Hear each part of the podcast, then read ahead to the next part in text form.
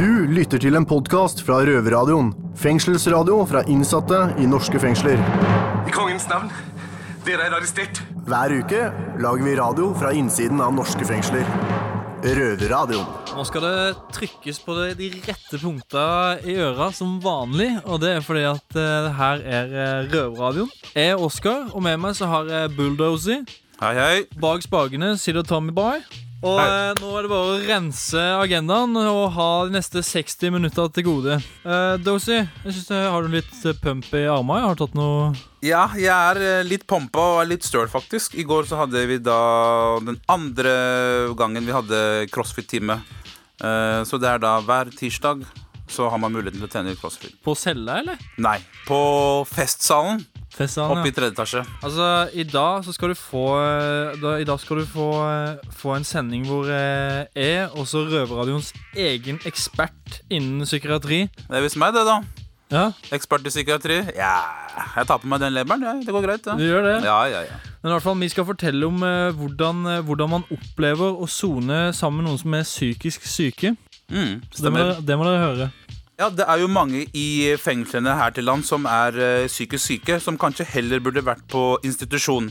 Eh, damene på Bredtvet kvinnefengsel får besøk av psykologspesialist Heidi Tessan, som, eh, som mener at eh, fengslingsmøtene svikter de psykisk syke.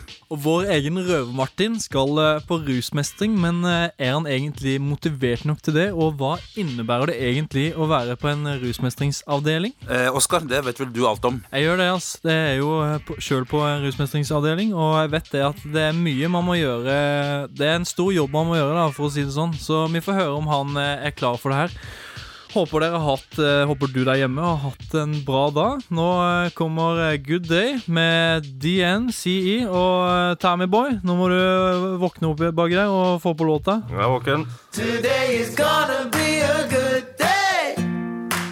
Don't care what anybody else says. Røverradioen. Glem kjedelige nyheter fra NRK, TV 2, B4 og VG. Det her er fengslende nyheter. Må jeg få lov til å be om en mer profesjonell, eksplosiv holdning til tingene, takk? Velkommen til Fengslende nyheter. Med meg i studio har jeg Tommy. Mitt navn er Dozy. Tommy, hva er første nyhet ut? Nå nærmer det seg jul, så første nyhet i dag er som følgende at Oslo fengsel inviterer til julekonsert den 13. og 15. desember. Den 13. desember er det adventskonsert med Norges musikkhøgskole, og den 15. desember er det julekonsert i samarbeid med Røde Kors, Nettverk etter soning og The Thief. Det er litt avhengig av hvilken avdeling du sitter på om du får delta, så hør med betjentene på din avdeling. Fint med noen festligheter i jula, altså. Det setter vi pris på. Videre så har den 51 år gamle voldsdømte mannen som rømte under et besøk på Akershus universitetssykehus for noen uker siden, blitt pågrepet i Italia, opplyser politiet. Mannen ble lagmannsretten i høst dømt til syv års fengsel for familievold. Pågripelsen er en følge av godt politiarbeid av Øst politidistrikt, Kripos og utenlandske politimyndigheter. Så er det over til jentene på Bredtvet kvinnefengsel. Antall forsvarsadvokater har økt med 50% Dette fører til en hardere konkurranse om klienter, noe som ifølge Dagens Næringsliv igjen har resultert i at enkelte forsvarsadvokater tilbyr ulike goder som penger, kebab, smugling av PC-er og narkotika inn i fengselet for å verve klienter. Så over til en gladnyhet. Fengselsbutikken Benny Butikk har utvida åpningstidene med to timer ekstra frem til jul. Åpningstidene er tirsdager og torsdager fra klokka tolv til klokka åtte. Benny Butikk selger varer lagd av innsatte i norske fengsler. Butikken ligger ved siden av inngang A til Oslo fengsel. Kebab høres ut som digg på cella. Videre så har eh, mange kanskje fått med seg at det dukker opp eh, mange forskjellige trender på nettet. Og et av disse trendene er da Mannequin Challenge. Og det går ut på at man skal stå fryst i en mannequinstilling og bli filmet. Vi innsatte er, vil ikke være noe dårligere og har satt oss på denne trenden. Eh, I et fengsel i USA har innsatte filmet seg selv og lagt ut på nettet. Problemet er at politiet ikke vet hvordan fangene fikk inn telefonen, og de vet heller ikke hvilket fengsel dette dreier seg om. Ja, dette kunne helt klart vært noe for oss, men eh, vi hadde nok blitt tatt. Jeg er redd for det. Dette var alt vi hadde fra Fengslende nyheter. Du lytter til en podkast fra Røverradioen. Fengselsradio fra innsatte i norske fengsler. Dette er Knut Olav Åmås, direktør i Fritt Ord, og jeg syns du skal høre på Røverradioen hvis du ikke syns at eh, alle andre norske medier gir et eh, helt dekkende bilde av eh, norsk virkelighet. Røverradioen. Rusmisbruk er et stort problem rundt omkring i norske fengsler. Ferske undersøkelser fra NRK viser at over 50% av alle som er innsatte i Norge, sliter med et rusproblem. Mitt navn er eh, Oskar, og jeg sliter òg litt med rusproblem. Men eh, jeg har tatt tak i det, og jeg er derfor på Oslo fengsels egen rusmestringsenhet, Stifinneren. Og Martin, du står jo her med meg nå, og du var au å finne på stifinalen, men det er du ikke nå lenger. Nei, hva skal jeg svare på det? Jeg ble jo kasta på huet og ræva ut. Det blei du. Ja. Men heldigvis så er det 13 andre rusmestringsenheter eh, rundt omkring i Norge. Og eh, etter det jeg har hørt, så har du allerede vært i gang med å søke deg inn til en ny en. Hvor var det hen? Jeg har søkt meg inn til Skien rusmestringsenhet. Hvor? Skien fengsel. Skien, ja. Nei, du er fra nede i Vestlandet, du, så det er, det er Skien. Ja, Sørlandet, Vestlandet, same, ja. same. Jeg er nesten derfra. Ja. Men uh, OK, der har de jo Der har de jo litt uh, Der har de De har holdt på i fire år, de. Og de har hjulpet mellom eh, 80 og 90 innsatte til rusfrihet allerede. Du tenkte å bli en del av den statistikken? Ja. Ja. Der, er de, der nede er de strenge, og du trenger litt strenge tøyler, gjør ikke det? ja, jeg trenger tett oppfølging og stramme tøyler. Ok, Hvorfor det? Nei, jeg har lett Ser jeg en mulighet rundt systemet, så har jeg lett for å skli sånn imellom, rundt om og Gjennom og ja, bortom. For du er en luring, er du ikke det? Ja, det er, mange kan vel definere meg som det, men eh, ja. Litt, kanskje. Men hva er det som er viktig for du på en rusmestringsenhet, Martin? Hva som er viktig for meg, det er eh, at eh, Ja, det er tett oppfølging, da. Å snakke om de problemene som er, og ha fokus på rett sted. Og ha oppfølging både fra innsiden og utsiden. Er det noe, an er det noe annet som blir annerledes når du kommer bort eh, til Skien? Nei, det som blir litt annerledes, er at du får bare ringe 20 minutter hver tirsdag. Det er det. Det er ikke sånn at du får utdelt en telefon her som kan fordele de minuttene som du sjøl vil. Men du er jo veldig fornøyd med sånn som det er nå på C2, er du ikke det? Jo, jo, jeg har dødsbra soning, for å si det sånn. Så det er liksom Men det er jo det å veie opp her, da. Det er jo pros and cons, kan du kalle det. Det er jo det i det lange løp, ikke sant. Jeg vil ofre de ringeminuttene og den bra soninga for faktisk klare å få hjelp, da. Det tenker jeg sier litt om hvor motivert du er for eh, å gjøre en endring, i og med at du vil gi opp eh, godene for å gjøre noe med rusproblemet ditt, som Ja. tydeligvis da er årsaken til at du sitter her, eh, for det første. da. Ja, det er det. Men Martin, jeg kjenner jo du. Du er en eh, kjempebra mann, og jeg håper at eh, du kommer til å klare deg videre, og ønsker deg lykke til borte i Skien. Skien. Ja, Skien. Skien, og greit. med dette håndtrykket her, så sier vi at nå er det slutt med rusmidler. Her kommer det en gammel klassiker. Her kommer Dr. Alban med No Coke. Røverpodkast. Mange som soner i norske fengsler, sliter av psykiske lidelser. Nå skal jeg, Dozy, snakke sammen med Oskar om hvordan det er å sone i fengsler sammen med disse menneskene. Jeg har selv jobbet i psykiatriske avdelinger tidligere og eh, vet hvordan, hvor kjipt det kan være når folk som trenger psykiatrisk hjelp, ikke får det.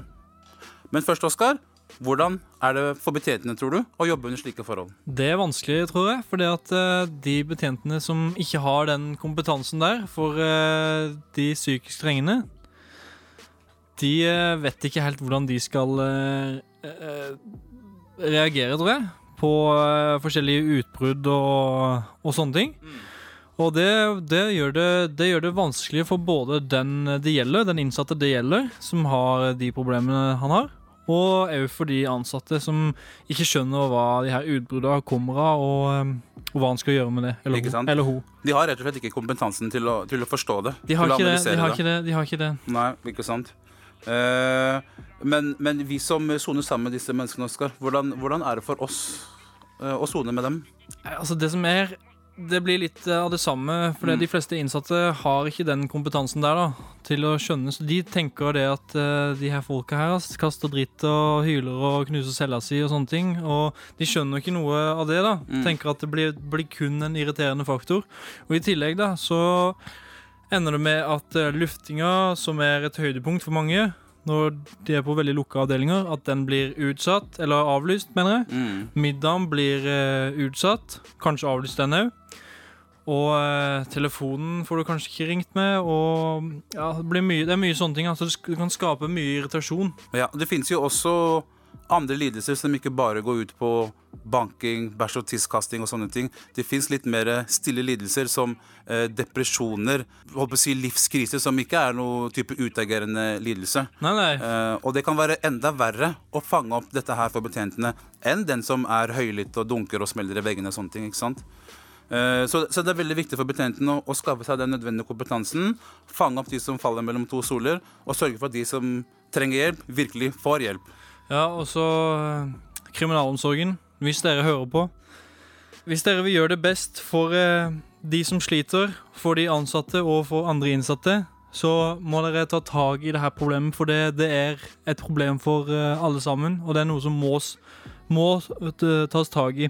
Ikke sant? Før det kan ende med selvmord, enda verre psykiske tilstander og, og sånne ting. Jeg mener at Når folk lider, så må det er greit at man skal sone uh, straffa si, men hvis en person har uh, vondt i hodet, for, eksempel, for å sette litt på spissen, så får han medisiner for det. Så jeg mener, Hvis en person kommer inn og har psykiske problemer, så bør han få, få de midlene han trenger. Han trenger, han trenger faktisk hjelp, og det, og det er kriminalomsorgen sitt ansvar. Hvorfor eh, folk med psykiske problemer skal havne innenfor fengselsmurene, for det første, det vet vi jo egentlig ikke. Men eh, en ting som i hvert fall jeg vet, det er det at nå skal eh, vi slappe skikkelig av. Og eh, du får jo ikke fylt opp eh, badekaret inne på cella, men du kan fylle opp vasken med noe varmt vann, så du får varmen opp i ansiktet. Kan lukke igjen gardina, tenne et par stearinlys. Eh, skru av TV-en og opp med volumet på radioen, så hører du etter på Nora Jones' vakre stemme. Her kommer Don't Know Why. Waited till I saw the sun. Dette er en podkast fra Røverradioen. Du lytter til Røverradioen. Nå skal vi over til Bredtvet kvinnefengsel, hvor vi skal høre om at fengslingsmøter ikke alltid foregår slik de skal. Bredtvet kvinnefengsel! Syv av ti selvmord i norske fengsler skjer i varetekt. Hvorfor blir ikke disse fanget opp før det er for seint? Og er egentlig fengsel restanstalt for de som har psykiske lidelser? Jeg heter Miss Guinea og i studio i dag har jeg med meg en som har stilt spørsmål rundt akkurat dette. Psykologspesialist Heidi Tessan, velkommen til studio. Tusen takk. Takk for at jeg fikk komme. Jo, bare hyggelig. Jeg observerte jo nylig hva som skjer i overgangen fra fri borger til innsatt. Det var bekymringsverdig. Dette er noe du har skrevet som en kronikk i Aftenposten. Mm. Hva er det som er bekymringsverdig, mener du? Ja, det er et godt spørsmål, da, og det var jo det jeg hadde lyst til å si noe om. Fordi jeg var på et fengslingsmøte med en tidligere pasient. Fengslingsmøte, hva, hva er det for noe? Det er det første møtet mellom rettsvesenet og en innsatt, hvor man bestemmer varetekten. Om en person skal i varetekt. Og da, det jeg syntes var bekymringsfullt, var at det satt bare én dommer på det møtet. Og han bestemte både hvordan varetekten skulle være, og eh, han ga veldig lite informasjon om den innsatte på det møtet. Sånn fare for bevisforspillelse, altså komme med sånne dårlige argument, argumenter rett og slett bare for å holde på den innsatte, da? Nei, egentlig ikke det. Det var mer at jeg var der for å prøve å fortelle hvordan fengselet kunne ivareta han i fengselet, fordi han har eh, psykiske lidelser. Men det var ingenting av det jeg sa som ble tatt med i kjennelsen. Det sto ingenting om han i kjennelsen av det jeg hadde gitt råd om, da. Så jeg syns det var altfor lite informasjon fra fengslingsmøtet inn til fengselet. Så hvordan skulle de vite hvordan de skal ta vare på han når han kommer i fengselet? Når de ikke hadde fått noe informasjon om det. Det syns jeg var bekymringsverdig. Men dette her er vel en praksis som bedrives daglig? Ja, og det var nettopp det jeg ble bekymra for. Og det var akkurat derfor jeg hadde lyst til å skrive den kronikken. For jeg tenkte litt sånn Hvis det faktisk er sånn, da, at det er én enkelt dommer som sitter og bestemmer alt dette uten å snakke med noen om det. Mm. Han hadde ingen han kunne diskutere med, det var bare han som satt der. Så tenkte jeg, er ikke det litt, eh, litt rart, da? At én person kan bestemme så mye? Fordi tenk hvis han har en dårlig dag, eller tenk hvis han ikke kan så veldig mye om ting og sånn, så får det så mye å si for hva som står i kjennelsen, da. Og det Mm. syns jeg var litt sånn det vi kaller for personavhengig. En ting som slår meg, det er jo det at han har vel sikkert ikke noe Han eller hun, da. Har sikkert ikke noe bakgrunn i psykiatri. Da blir det jo veldig feil, da. Ja, eller du kan si sant, akkurat det der med å avgjøre om, noen, om det er bevisforspillelse eller alle de tingene som liksom ligger som vilkår i kjennelsen, på en måte, det kan jo dommerne noe om. Det er jo det de kan noe om. Men de har ingenting i uttalelsen sin om eh, psykiske lidelser. Så det jeg mener da, er at eh, advokatene må sørge for å innhente noe informasjon fra f.eks. psykologer eller andre som de har kontakt med, de innsatte. Eller på et, en eller annen måte sikre at fengselet får informasjon om den innsatte. For det kan ikke dommeren noe om. Og det var det jeg syntes var så dumt, at det sitter én person alene og skal bestemme alt dette uten å egentlig kunne så mye om psykiske lidelser, og uten å diskutere med noen hva de skal, som skal stå i kjennelsen. Det syns jeg var veldig rart. Denne, denne kritikken som du retter mot dommerne når de sitter i fengselsmøtene, hva mener du de kan gjøre annerledes? Eh, For det første så mener jeg at de må ha en litt sånn ydmykhet og respekt for at dette med psykiske lidelser, det er et område de ikke kan noe særlig om. Og da må de sørge for å få informasjon fra noen som kan noe om det. Sånn at dommerne kan ta hensyn til det i fengslingsmøtet, og kanskje si noe om hvordan fengselet burde passe på dem. Det kunne også vært personer til stede på fengslingsmøtet som kan noe om dette. Noen rådgivere, f.eks. Eller sykepleiere, spesialister, sånn som du er. gjør? Noen som kan si noe om hva som er typisk for psykiske lidelser. Mm. For jo mer man kan om noe, jo lettere er det å ta hensyn til det når noen skal inn, ikke sant? Mm. Tenker du også at det egentlig burde skiftes ut dommere, da, sånn som de gjør gjerne på krisesenter og sånn, så har du kun en varighet av gangen, si ett år av gangen på den stasjonen, da. At de burde gjøre sånn i, i rettsvesenet også? Ja, Det har jeg ikke tenkt på, men eh, det er ikke så dum eh, idé det. For det er jo noe med at man kan jo bli litt sliten av å gjøre det samme hele tiden, hvis det er veldig mange fengslingsmøter hver dag. Og jeg har jo hørt fra advokater at disse fengslingsmøte, disse kjennelsene er litt sånn blåkopier av hverandre. Det blir liksom bare copy-paste, copy-paste, og så er det Mm, den samme mm, kjennelsen hele tiden. Ja, så det er vel kanskje litt for lite individuelt fokus, da. Og, og problemet med det er at hvis man ikke vet Hvis ikke fengslene får vite noe om hvordan de kan hjelpe denne personen, så kan det bli mye mer utagering og mye mer problemer i fengselet enn det som hadde vært nødvendig. Heidi, vi skal jo straks eh, snakke mer med deg om det å være for syk for fengsel, men for frisk til psykiatri. Men før det så skal vi høre 'Treat You Better' med Sean Mendes. Røverpodkast. De fleste av oss som soner i fengsel, har jo opplevd å sone med noen som faktisk helt klart ikke burde ha vært her. Jeg heter Miss Guinevere, og i dag så har jeg psykologspesialist Heidi Tessan på besøk i studio. Før låta nevnte jeg en av kriminalomsorgens tøffeste utfordring, som er nemlig for syk for fengsel, men for frisk til sitt eh, institusjon. Er dette noe mange innsatte faller inn under? Ja, det her er jo et veldig stort spørsmål, eh, og veldig viktig spørsmål.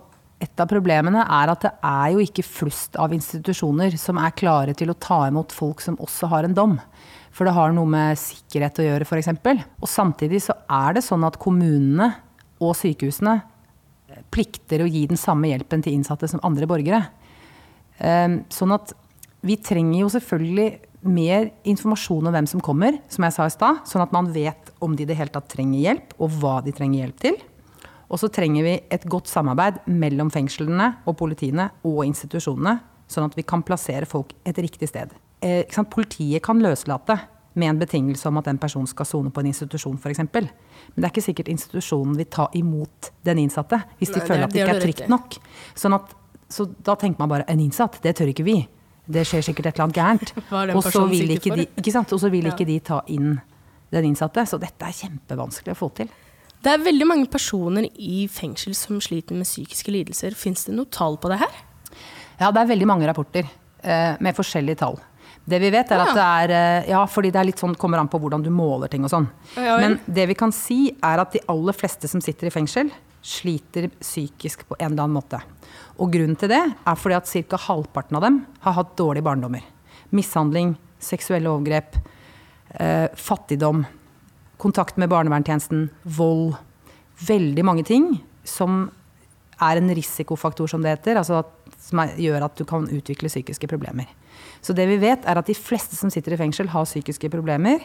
Ikke alle har en psykisk lidelse, men mange sliter psykisk. Og det er fordi de har hatt ofte dårlige bakgrunner. Syns du fengslene burde hatt en egen sånn liten psykiatriavdeling? Det er jo litt forskjellig eh, på de forskjellige fengslene hvordan dette her foregår. Det er egentlig kommunen og sykehuset hvor fengselet ligger, som har ansvar for dette. Men noen fengsler har utbygget sånne små eh, psykisk helsetilbud. det. Ja, det er flere fengsler som har gjort det. Det tenker jeg er en god idé. I tillegg til at det må være bedre samarbeid mellom fengslene og når de skal ut igjen. Sånn at vi sikrer gode overganger. Fra borger til innsatt. Fra innsatt tilbake til fri borger. Det er de overgangene som er hovedproblemet. Mm, mm. Der må man gjøre noe. Fins det egentlig nok penger til dette, tror du? Det tror jeg nok ikke. ikke heller. Men, og det er jo kanskje ikke så rart, fordi hvem er det liksom som står på barrikadene for de innsatte? De har jo ikke så mange som snakker på vegne av dem, på en måte. De, det er ikke så mange som kanskje kjemper kampen for de innsatte. Fordi mange tenker at de har gjort noe gærent, de burde sitte i fengsel. Ja, Hvorfor skal vi bruke penger på dem? Men problemet er at de kommer jo ut igjen i samfunnet en eller annen gang. Og da, må vi jo, ja, og da må vi jo sørge for at de er i bedre stand til å være gode borgere som tar gode valg når de kommer ut. Og det er en samfunnsoppgave. Ja, Bredtvet har jo faktisk blitt eh, flinkere på det området her. Ja, så bra. Fordi eh, de har jo ansatt en eh, fritidsleder. Fordi på arbeidsdrifta her så er det jo på en måte sånn arbeid som fortsatt de, de drev med på 60-tallet, da. Ja. Så han fritidslederen som er her nå, han er kjempeflink til å sysselsette i sommerferien og høstferien og sånne ting, sånn at folk ikke sitter på cella hele dagen og blir eh, deprimerte og sånne ting. Da. Han setter dem i aktivitet og Altså, han, han gjør ting, da, Mm. for, å, for å få eh, Mm. hverdagen litt mer altså, Ja. verdig, da. Ja, og det er viktig det du sier, for at én ting er de som kommer inn i fengsel med psykiske problemer, at de kanskje kunne trenge behandling.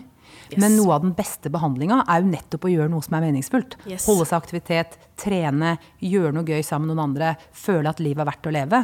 Da blir du friskere. Og da er det også mer sannsynlig at du gjør noe bra når du kommer ut igjen. Så hvis du er i fengsel og blir dårligere og dårligere, og dårligere fungerende i fengselet, da har jo ikke fengselet funka. Tusen takk for at du tok eh, turen til oss, Heidi. Takk for at jeg fikk komme. Vi har alle litt tankekjør, men noen er verre enn andre. Så søk hjelp, gjerne hos Heidi hvis hun har eh, tid. Og det er i hvert fall mitt beste tips da, til, å, til å bli kvitt litt av de tyngre tankene du sliter med. Det er, det er seriøse greier, så ikke ta det bare for gitt. Du er ikke aleine. Jula nærmer seg nå, og, og da er det også viktig at du, du er ikke aleine. Du har faktisk folk rundt deg som også sitter i din situasjon. Så bare benytt deg av det du kan da mens du er inne i fengselet. Nå har det jo egentlig vært ganske tungt her i studio, så nå syns jeg vi rett og slett skal riste litt løs til Bruno Mars og 24K Magic. Røverradioen. Nå har vi snakka mye om hvordan det er for oss fanger å forholde oss til innsatte med psykiske lidelser. Men hvordan er det egentlig å være fengselssjef og vite at du kanskje ikke får gitt den nødvendige hjelpen som mange trenger? Miss Guinepeig på Bredtvet kvinnefengsel har snakket med fengselsleder Nils Leiel Finstad om akkurat dette. Hva tenker du når jeg sier for frisk til psykiatrien, for syk til fengselet? Ja, da treffer du jo veldig i forhold til en av våre store utfordringer. Det er jo at det er innsatte som vi fengselet mener da er for syke og burde ikke være i fengsel. Det er et faktum. Og så er det også et faktum at via helseavdelingen, via legevaktslege osv. blir noen av disse innsatte av og til lagt inn i psykiatrien, men er fort tilbake hos oss, kanskje allerede neste dag. Og da blir det, som du sier, at man kanskje faller mellom to stoler da, på en måte, og, og, å, bli værende i fengsel, selv om man kanskje er for syk til å være i fengsel. Men eh, det er ikke så lett å finne et egnet sted i psykiatrien. Det syns jeg er en utfordring. Jeg mener at vi av og til har innsatte i fengsel som jeg Jeg kan ikke stå her og si at jeg ikke syns det er galt. Derfor blir de lagt inn i psykiatrien, men de kommer altså fort tilbake. Men jeg har jo ikke noe faglig ståsted for å si så mye om det, men det er en observasjon som jeg gjør av og til, og jeg syns det er veldig, veldig krevende å, å se. Tusen takk, Nils Leiel Finstad. Takk. Takk til dere. Snart skal vi høre på hvordan det var for Alex å gjennomføre sin første perm på over et år. Noe jeg fortsatt bare kan drømme om. Men før vi kommer så langt, så skal vi høre på Oslo S og Alt jeg trenger. Og forresten, alt jeg trenger fra deg, det er at du fortsetter å høre på Røverradioen. Jeg har sovet på stasjonen, jeg har sovet her igjen. Røverradioen. Hei, Øyvind Alnes her, fengselsleder i Oslo fengsel. Og du hører på Røverradioen. Hei, Alex. Hei. Alex, du har nå sittet i fengsel i elleve måneder. Snart så har du ettårsjubileum. Yes. Og så har du akkurat gjennomført eh, din første perm. Kan ikke du fortelle litt om hvordan du opplevde det? Etter elleve måneder så er det litt eh, rart å få kunne gå på perm. Jeg husker jeg fikk ikke sove samme natta som jeg skulle ut. Når jeg kom ut, så hadde stakkars samboeren min eh, lagd mat da, fra dagen før av på morgenen til dagen etterpå. Så kom det bare den nærmeste familien på besøk. og du kan tenke deg da, De lagde så mye mat at eh, det kunne ikke settes på bordet, så vi måtte forsyne oss fra kjøkkenet. Så det var veldig morsomt, og jeg ser frem til neste perm. Det var, Ja, ikke sant? ja. Eh, men eh, det motsatte, da. Hvordan opplevde du det å komme tilbake inn porten og inn til soning? Det som var, var at eh, man faktisk opplever hvor godt friheten er, hvor mye det betyr etter såpass lang tid. Man innser at du trenger friheten. Og det som er veldig dritt, er det at eh, du slikker slags på friheten når du først er ute. For du vet dessverre at du må inn igjen. Ikke sant? Men nå venter jeg jo unge, og jeg tenker ikke på å være fri i fem-seks måneder og bli pågrepet igjen hvis jeg rømmer. Jeg tenker å bli fri for resten av livet mitt og kunne være der for ungen min under fødselen og alt. Ikke sant? Og med tanke på at du skal få barn nå, Ja. så hvordan har det liksom motivert deg nå til å fullføre soninga du, er, eh, Det, du holder på med nå? Det som er, er at uh, jeg har alltid drømt om en unge med den jenta jeg er sammen med. Og jeg veit at vi kommer til å bli en veldig bra familie. Mm. Og tanken på at eh, jeg kommer til å få et unge, gjør det mye sterkere for meg for å faktisk fullføre soninga mi. For jeg tenker sånn at jeg orker ikke å snu meg hele tiden mens jeg er med ungen min ute og vite at oi, nå kommer politiet og tar meg fra ungen min igjen. Skjønner du? Det er unge, det er ikke bare mitt ansvar. Det ikke, jeg kan ikke bare tenke på meg sjøl nå. Nå er det en unge å tenke på. Så det er veldig mye veldig mye å tenke på når du først har en unge, er at eh, hvordan å bli en bedre pappa.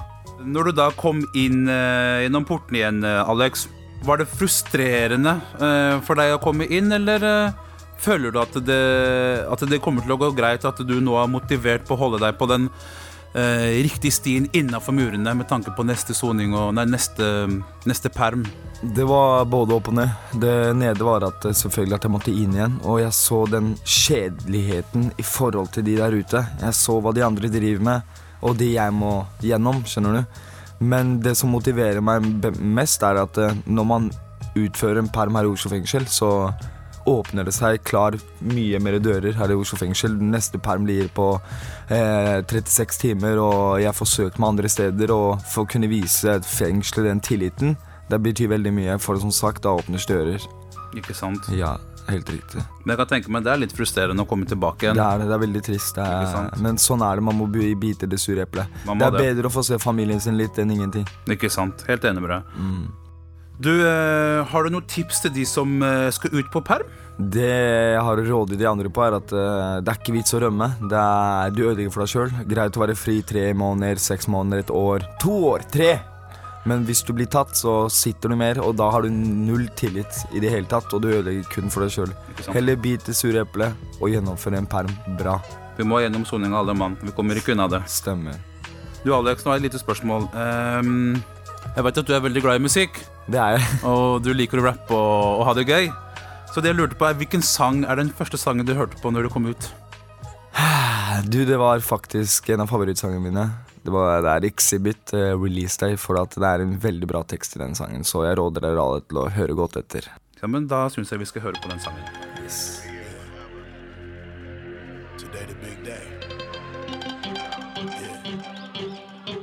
Røverpodkast. Hva er det du leser om, da? Nei, Det er en fyr her som har svindla norske banker for 1,3 millioner. Det er meg, da. Røverradioen. Da var det snart slutt for i dag. Og hadde Røverradioen vært et stort bål, ja, da hadde det bare vært gløden igjen. Og den som gløder mest her i dag, det er deg, Oskar. Du, mener du det, Dosi? Det mener jeg. Du, eh, ta sånne ting, det blir jeg så sinnssykt glad for å høre. Tusen Ja, takk, du har vært eh, veldig på i dag. Eh, hva har vi fått med oss uh, Det vi har fått hva, med oss hva har vi fått med oss i dag, Oskar? Vi har fått med oss det at uh, En ting som sjokka meg litt, da, det er det at i, rundt omkring i fengsel i Norge så har så å si alle en eller annen form for psykisk plage. Da. Og det er jo Det er jo litt skremmende. Selv om, selv om egentlig så vet jeg jo det at det er folk som har som har på en måte faka en psykisk lidelse. da Enten for å få seg noen medisiner eller for å rømme på en eller annen måte. Eller sånne ting Ja, Så og det er faktisk litt synd, fordi det gjør at de som faktisk trenger det, kanskje ikke får den hjelpen de trenger, eller blir satt lenger bak i kø fordi det er en eller annen kødd som driver og faker det. Ja, riktig. Det er ikke noe særlig. Det er ikke det. Altså, i eh, neste sending, da, så eh, da, eh, da gleder jeg meg litt, for da skal vi snakke om eh, kvinner. Så det blir knallbra, da. Ta ro ned det sørlandsteltet ditt nå. For det er ikke det, er ikke, det, er ikke, det, er ikke det det går på. Fordi det, snakk, nei, fordi det er snakk om at kvinnene her til lands ikke har de samme rettighetene som, Ah. som gutter som soner. Ah, ok, ja. Og det er litt spesielt, spør du meg. Det er det. Det er det. Mm. det, er det. Men uh, altså Hvis du ikke klarer uh, Hvis du ikke klarer å vente til uh, neste fredag når vi kommer på Radio Nova, så eh, er det jo bare å gå inn på enten podcasten vår på eh, iTunes eller Soundcloud. Eller Facebook. Eller Facebook. Ja. Eller Facebook. Eh, Oskar, hva skal du gjøre eh, når du kommer inn på cella i dag? Du, vet du hva? I dag så var jeg egentlig, egentlig satt opp på middag, men eh, siden jeg er eh, her eh, på Røverøyene, så, slipper jeg- så slipper jeg å lage den middagen, og det er litt deilig. Heldig. Slipper er middagsplikta. Så eh, det blir bra. Men altså, til, eh, til alle dere med psykiske lidelser og som kanskje ser litt mørkt på ting og sånt. Det vil komme kjærlighet til du òg. En dag så vil det komme. Nå kommer eh, The Supremes med Can't Hurry Love. Og eh, Tommy, takk for din hjelp bak spakene. Take it away. Helt rå. Ha det! Elsker deg, love. I need love Du har akkurat hørt en podkast fra Røverradioen. Du hører oss hver fredag klokken 18.00 på Radio Nova eller onsdag klokken 18.00 på Kanal 247. Og alltid på røverhuset.no.